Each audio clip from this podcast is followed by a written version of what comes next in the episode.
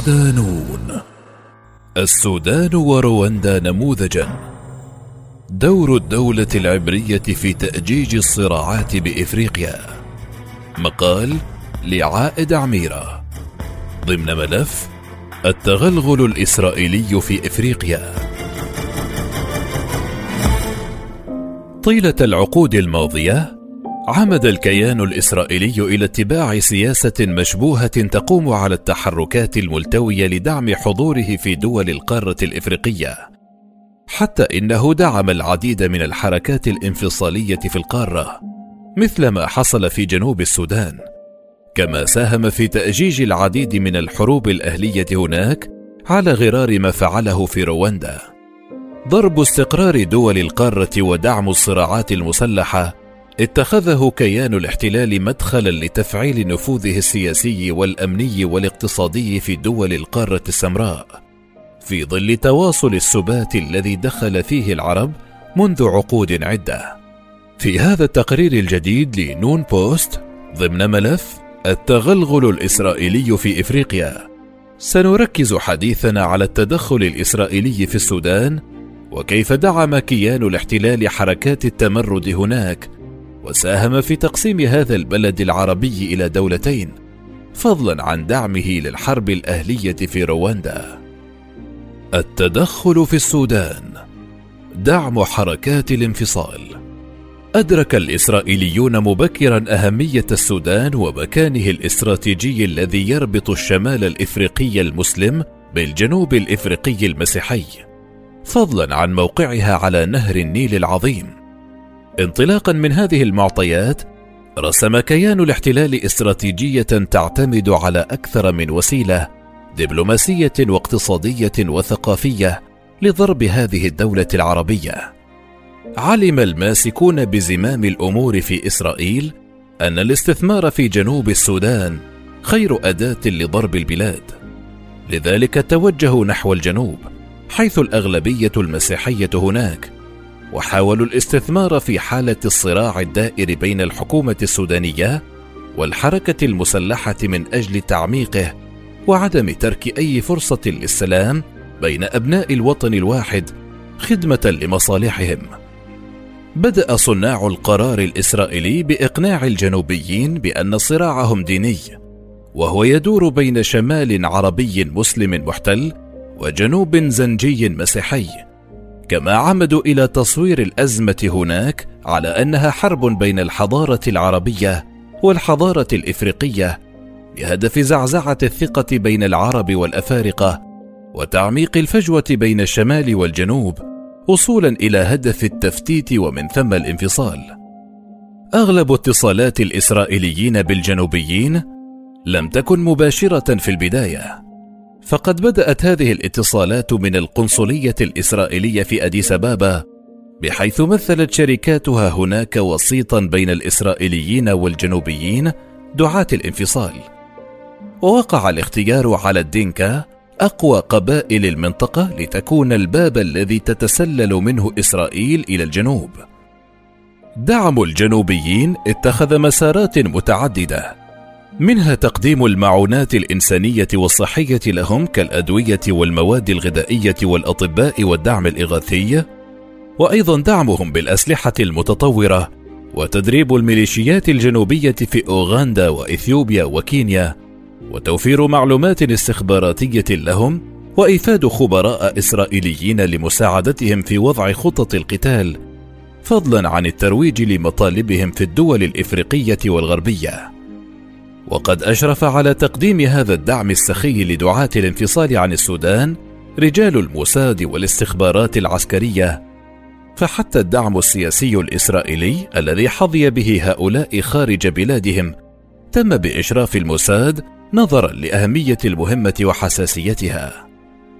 الترحيب بالدولة الفتية نتيجة ذلك كان الكيان الإسرائيلي أول المعترفين بدولة جنوب السودان بعد الانفصال في يوليو تموز 2011 ليس هذا فحسب بل اعتبر العديد من الإسرائيليين ولادة هذه الدولة انتصارا لإسرائيل وتتويجا لإستراتيجيتها في تفتيت وتجزئة الوطن العربي. فضلا عن ذلك ساهم الإسرائيليون في الترويج لهذه الدولة الوليدة وتقديم جميع المساعدات المطلوبة لها. مستغلين المساندة القوية من اليمين المسيحي المتصهين في الولايات المتحدة لهذه الدولة التي تأسست بعد حرب أهلية أسفرت عن مقتل مليوني شخص وتهجير أربعة ملايين. أقام الإسرائيليون علاقات دبلوماسية مع جنوب السودان وعينوا مسؤولا في وزارة الخارجية الإسرائيلية لمتابعة ملف الدولة الوليدة وسمت سفيرا لها هناك كما نظمت زيارة رسمية معلنة لوفد إسرائيلي برئاسة داني دانون نائب رئيس الكنيست إلى جوبا عاصمة دولة الجنوب. إلى جانب ذلك فتحت إسرائيل المجال أمام تنوع الاتصالات والزيارات بين الطرفين على مستويات عدة رسمية وشعبية. حيث استقبلت في ديسمبر كانون الثاني 2011 رئيس دولة جنوب السودان سيلفاكير ميارديت. كما فتحت تل أبيب المجال أمام توثيق العلاقات التجارية والاقتصادية معهم. كما أرسل كيان الاحتلال المئات من الخبراء في مختلف المجالات إلى جوبا عاصمة الجنوب للسيطرة على الدولة الناشئة حيث يتخصص هؤلاء الذين قدر عددهم بألف خبير في الزراعة والتعدين والاقتصاد والفنون والسياحة والإدارة. تقسيم الدول العربية هذا الدعم الإسرائيلي السخي لقوى التمرد في جنوب السودان لم يكن الهدف منه فقط التمتع بالموارد الطبيعية لهذه المنطقة وفتح أسواق جديدة أمام كيان الاحتلال وحسب. إنما كان الهدف الأسمى سياسي مرتبط بالمصالح الأمنية لإسرائيل. سعت إسرائيل من خلال هذا الدعم إلى أن تتحول دولة جنوب السودان إلى قاعدة عسكرية إسرائيلية وتكون شوكة أخرى في خاصرة الدول العربية وتحد من النفوذ العربي والإسلامي داخل القارة الإفريقية لا سيما في مواجهة احتمال عودة مصر إلى الاطلاع بدورها العربي الفعلي. أراد الكيان الإسرائيلي عبر التغلغل في جنوب السودان الاستحواذ على مياه حوض النيل حتى يهدد مصالح مصر والسودان الاستراتيجية وأمنهما القومي، وهو ما يتنزل ضمن عقيدة الكيان الأمنية القائمة على الاستحواذ والسيطرة على المنطقة المحيطة به قصد تطويق أعدائه. فضلا عن ذلك، أرادت إسرائيل من وراء المساهمة في انفصال جنوب السودان تجزئة الدول العربية إلى دول صغيرة متنافرة فهي استثمرت في الأزمات داخل الدول العربية وعمقت حدة الصراع والتنافر هناك لتفتيت المنطقة العربية وإضعافها. تأجيج الحرب الأهلية في رواندا. نشاط الإسرائيليين المشبوه لم يقتصر على الدول العربية فقط بل وصل باقي الدول الإفريقية أيضا على غرار ما حدث في رواندا. حيث ساهم الكيان الإسرائيلي في تأجيج الحرب الأهلية هناك التي راح ضحيتها عشرات الآلاف. خلال النصف الأول من تسعينيات القرن المنصرم في أثناء الحرب الأهلية التي كانت دائرة في رواندا خرقت إسرائيل حظر السلاح الدولي حيث قامت بتوريد الأسلحة لعرقية الهوتو ذات الأغلبية في البلاد التي ارتكبت مجازر راح ضحيتها عشرات الآلاف من أقلية التوتسي. يؤكد المؤرخ الإسرائيلي في الجامعة المفتوحة يائير أورون وصول سبع شحنات من ال... وصول سبع شحنات من الأسلحة الخفيفة بنادق وذخيرة وقنابل من مطار بن غوريون بإسرائيل إلى رواندا عبر ألبانيا ما بين أبريل نيسان ويوليو تموز عام 1994 لتستخدمها الميليشيات التي ارتكبت المجازر وعرفت رواندا بداية شهر أبريل نيسان 1994 حربا أهلية إثر سقوط طائرة كانت تقل الرئيس الرواندي آنذاك جوفينال هابياريمانا ونظيره البوروندي سيبريان نتارياميرا ومقتل جميع من كانوا على متنها حيث ألقى حينها متشدد الهوتو باللائمة على جماعة الجبهة الوطنية التي تتشكل من أقلية التوتسي وبدأوا على الفور حملة منظمة للقتل. وبحسب تقديرات مسؤولين في الأمم المتحدة ذبح ما لا يقل عن ثمانمائة ألف رجل وامرأة وطفل في رواندا على مدى مئة يوم. وتعد رواندا التي تعني أرض الألف تل باللغة المحلية إحدى الدول التي ينبع منها نهر النيل. وتقع في شرق إفريقيا بمنطقة البحيرات العظمى لشرق وسط إفريقيا.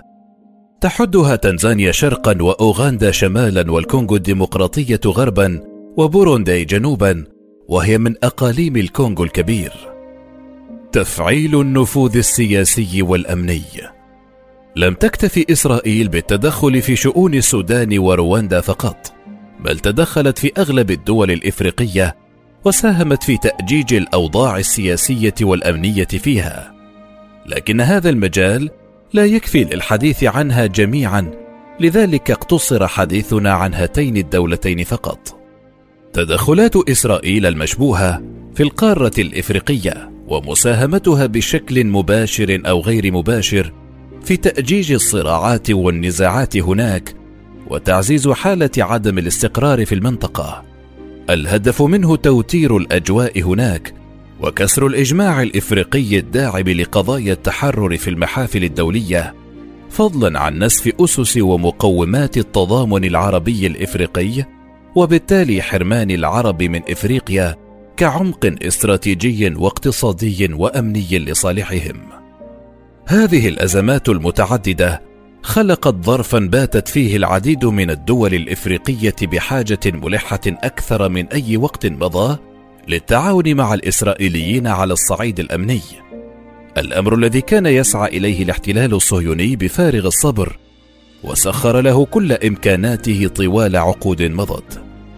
هذا التعاون الأمني مكن الإسرائيليين من إيجاد قنوات للتعاون وتبادل المعلومات بين الموساد وأجهزة الاستخبارات الإفريقية وإقامة مراكز اتصال وجمع معلومات تخص الموساد فيما يتعلق بنشاطات قوى التحرير الإفريقية والعربية.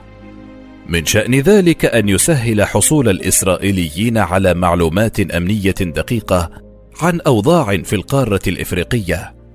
وهو ما يؤهلها للاستعداد لمواجهة المخاطر والتهديدات المحتملة الموجهة لها من داخل القارة السبراء أو خارجها.